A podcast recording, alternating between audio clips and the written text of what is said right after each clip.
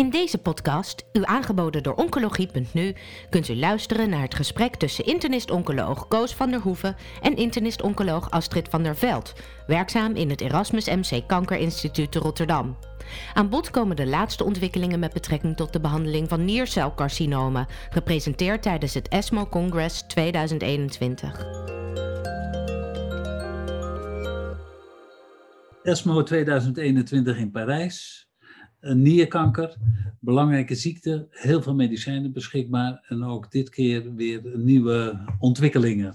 Ik ga erover praten met de dokter Astrid van der Veld. Zij is internist-oncoloog in het Erasmus MC. Een van haar uh, twee proefschriften ging over deze ziekte. En uh, ze behandelt nog steeds veel patiënten met nierkanker. En daarnaast is ze ook expert op het gebied van de behandeling van melanoom en immunotherapie in het algemeen. Astrid, welkom. Um, ik wilde graag een paar dingen met je doornemen. Er waren niet zo heel veel nieuwe dingen dit keer, maar als je heel goed luistert, zijn er toch altijd wel weer interessante dingen te melden en komen opinies ook weer meer aan bod dan feiten.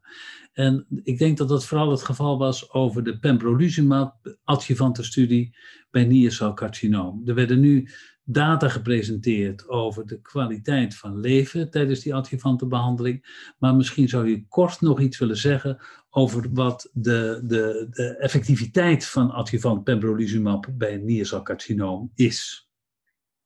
Um, nou, in de keynote 564 uh, werd hoogrisico gedefinieerd als PT2 vanaf graad 4 en PT3 en PT4. Wat ook belangrijk te noemen is, is dat, in deze studie ook patiënten met M1-ziekte mochten deelnemen. En het waren dan patiënten waarvoor met volledige resectie van een metastase en met nu geen aanwijzingen voor een recidief. Deze patiënten mochten ook geïncludeerd worden in deze studie. En patiënten werden gerandomiseerd om binnen 12 weken na chirurgie te starten met adjuvante behandeling met pembrolizumab of placebo, gedurende een jaar ook. Het primaire eindpunt werd gehaald en uh, de resultaten van deze studie uh, zijn dit jaar gepresenteerd tijdens de ASCO.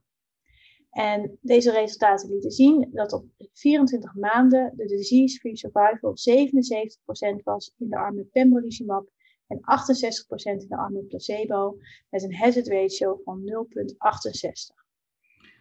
Heeft dat geleid tot de registratie voor deze indicatie? Maar volgens nog niet. Maar um, ik, ik, heb wel het bericht gezien dat in augustus de FDA heeft aangekondigd dat ze het versneld gaan beoordelen. Uh, dat zou kunnen betekenen dat ze het uh, gaan registreren, maar we moeten dat oordeel nog afwachten. Oké, okay. nu werd er uh, bij de ESMO werd er gerapporteerd over de kwaliteit van leven van de patiënten die adjuvant pembrolizumab kregen. Wat kan je daarover vertellen? Um, tijdens de ESMO werden de kwaliteit van leven data gepresenteerd. En daarvoor werden verschillende kwaliteit van leven vragenlijsten gebruikt. En deze data toonden aan dat er geen verschil was in kwaliteit van leven uh, tussen patiënten die wel werden behandeld met pembrolizumab en patiënten die niet werden behandeld met pembrolizumab. En eigenlijk zijn deze data vergelijkbaar met de data zoals we die kennen voor stadium 3 melanoom in de adjuvante setting. Ja, heb je, heb je nog de, de, de, het commentaar gehoord? Er was iemand die gaf een commentaar bij deze kwaliteit van leven resultaten. Ik weet niet welk, op welke je doelt. Welke... Uh, ja, de, de, naam ben ik ook, is me ook weer even ontschoten. Maar die man zei van ja, ik, ik vind het wel ingewikkeld hoe ik dat moet interpreteren. Want het is allemaal maar kort. Het is alleen in de periode van de adjuvante behandeling. En als het klaar is, dan hebben de mensen daar weinig hinder meer van. Die was er nogal kritisch over hoe we die kwaliteit van leven moesten beoordelen bij dit soort studies. Maar misschien heb jij er zelf ook wel een opvatting over. Nou, kijk, deze studie gaat echt over veel kwaliteit van leven data, waarvan ik ook van deze studie het lastig vond hoe je die nou goed moet interpreteren. Er werden ontzettend veel data getoond. Um, en wat hier ook nog doorheen speelt, is dat patiënten eigenlijk heel weinig last van de ziekte hebben, want de ziekte is er niet meer. Dus die, die, die kwaliteit van leven vragenlijsten zijn ook moeilijker te interpreteren in deze setting. Um, en dat maakt het lastiger om die kwaliteit van leven vragenlijsten uh, ja, goed met elkaar te vergelijken, ook tussen verschillende ziektebeelden. Het is lastig um, hoe je dat goed moet interpreteren. Maar in ieder geval was de kwaliteit van leven of vermindering van de kwaliteit van leven geen reden om van een eventuele adjuvante behandeling af te zien bij niercelcarcinoom. Nee, zeker. Nee. Dan gaan we naar een andere studie, de zogenaamde PRISM-studie.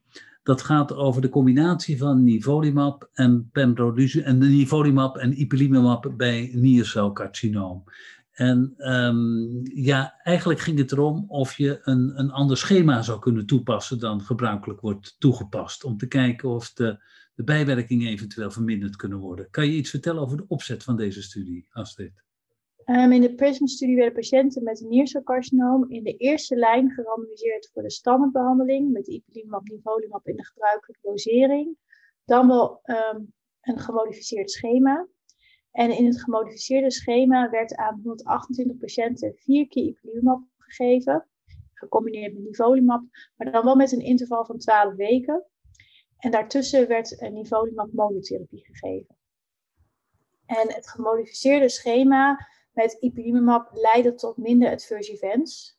Um, patiënten in het gemodificeerde schema, daarin had 33% van de patiënten um, bijwerkingen versus 53% uh, adverse events in de groep die werd behandeld met het standaardschema.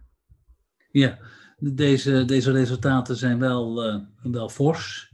Um, is er nou, en de, effectiviteit van de behandeling, uh, was die anders?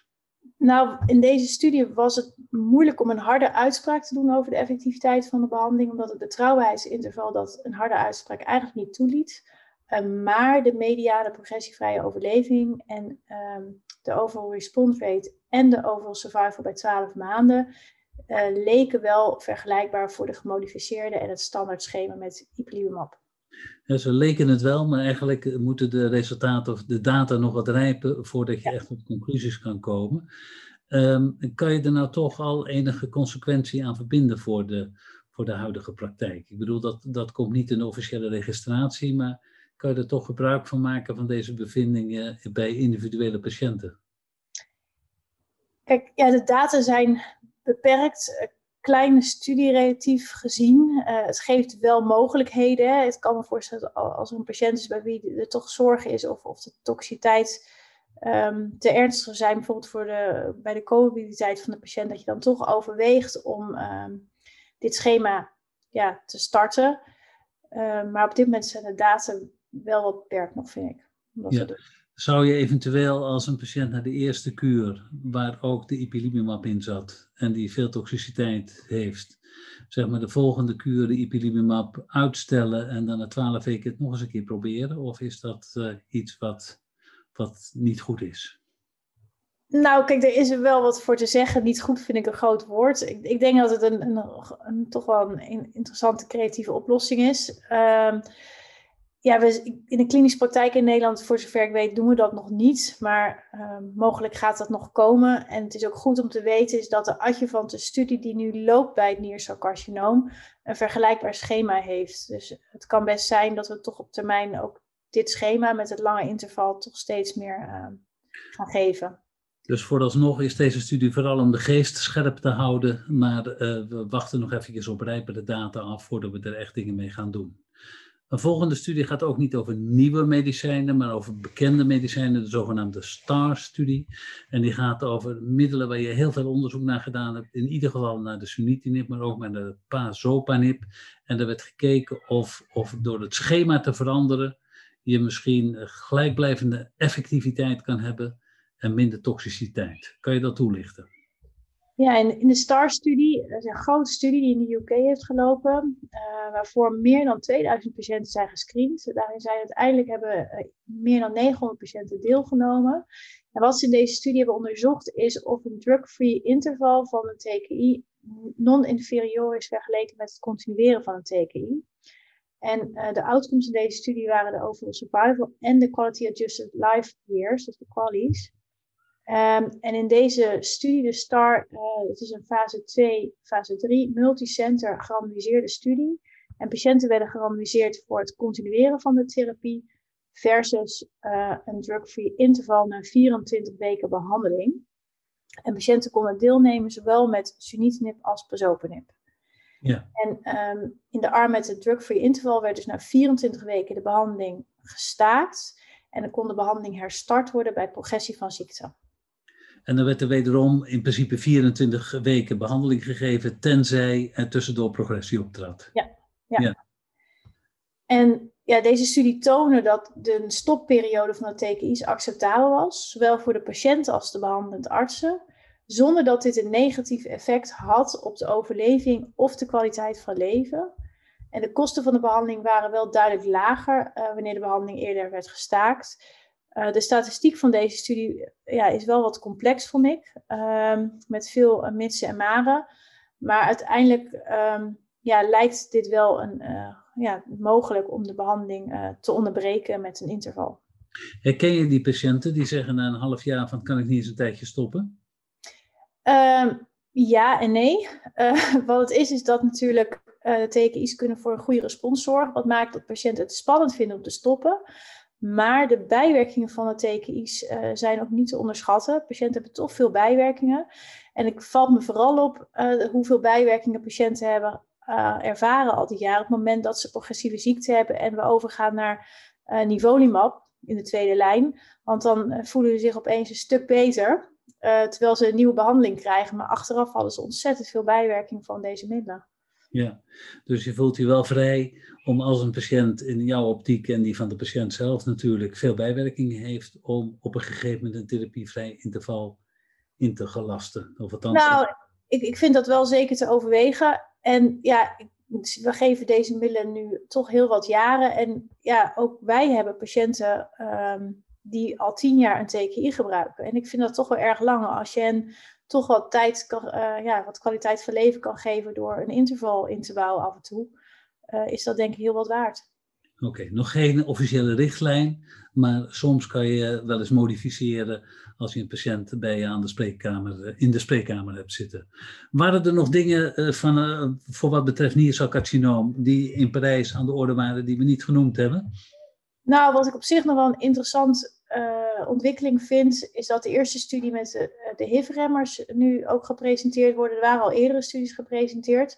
Uh, en tijdens de ESMO is een studie gepresenteerd waarin de combinatie van een HIV-2-alpha-remmer beltusafan werd onderzocht bij patiënten met een heldercellig niercelcarcinoom die eerder waren behandeld. En ehm, hier werd beltusafan ook gecombineerd met cabozantinib. En de behandeling bleek effectief en veelbelovend. En daarom zijn er inmiddels ook meerdere studies met dit middel gestart, zowel monotherapie beltusafan als in combinatie met een TKI. En ook in Nederland zijn er verschillende studies uh, met beltusafan, uh, momenteel in meerdere centra open voor inclusie. En het zou best kunnen zijn dat hiermee ook een nieuw middel gaat komen met een nieuw target voor RCC, uh, eh, als deze studies allemaal positief blijven, blijken. In dus er komt wel wat, mogelijk toch een nieuw target aan voor nierkanker. In welke lijn wordt de, deze medicatie, die HIV-1-alpha-remmer, ingezet? Um, op verschillende momenten in de behandeling. Er zijn in Nederland verschillende studies uh, open die in de tweede lijn uh, dit middel uh, onderzoeken. Maar er zijn ook wereldwijd gerandomiseerde studies in de eerste lijn in, gaan die komen. Dus daar is wel veel gaande op dit moment. Nou, ik denk dat over een jaar, of over twee jaar op de ESMO of de ESCO, we daar wel meer over zullen horen. Voor dit moment erg bedankt. Graag gedaan. Bent u geïnteresseerd in meer podcasts? Deze zijn te vinden op de website oncologie.nu.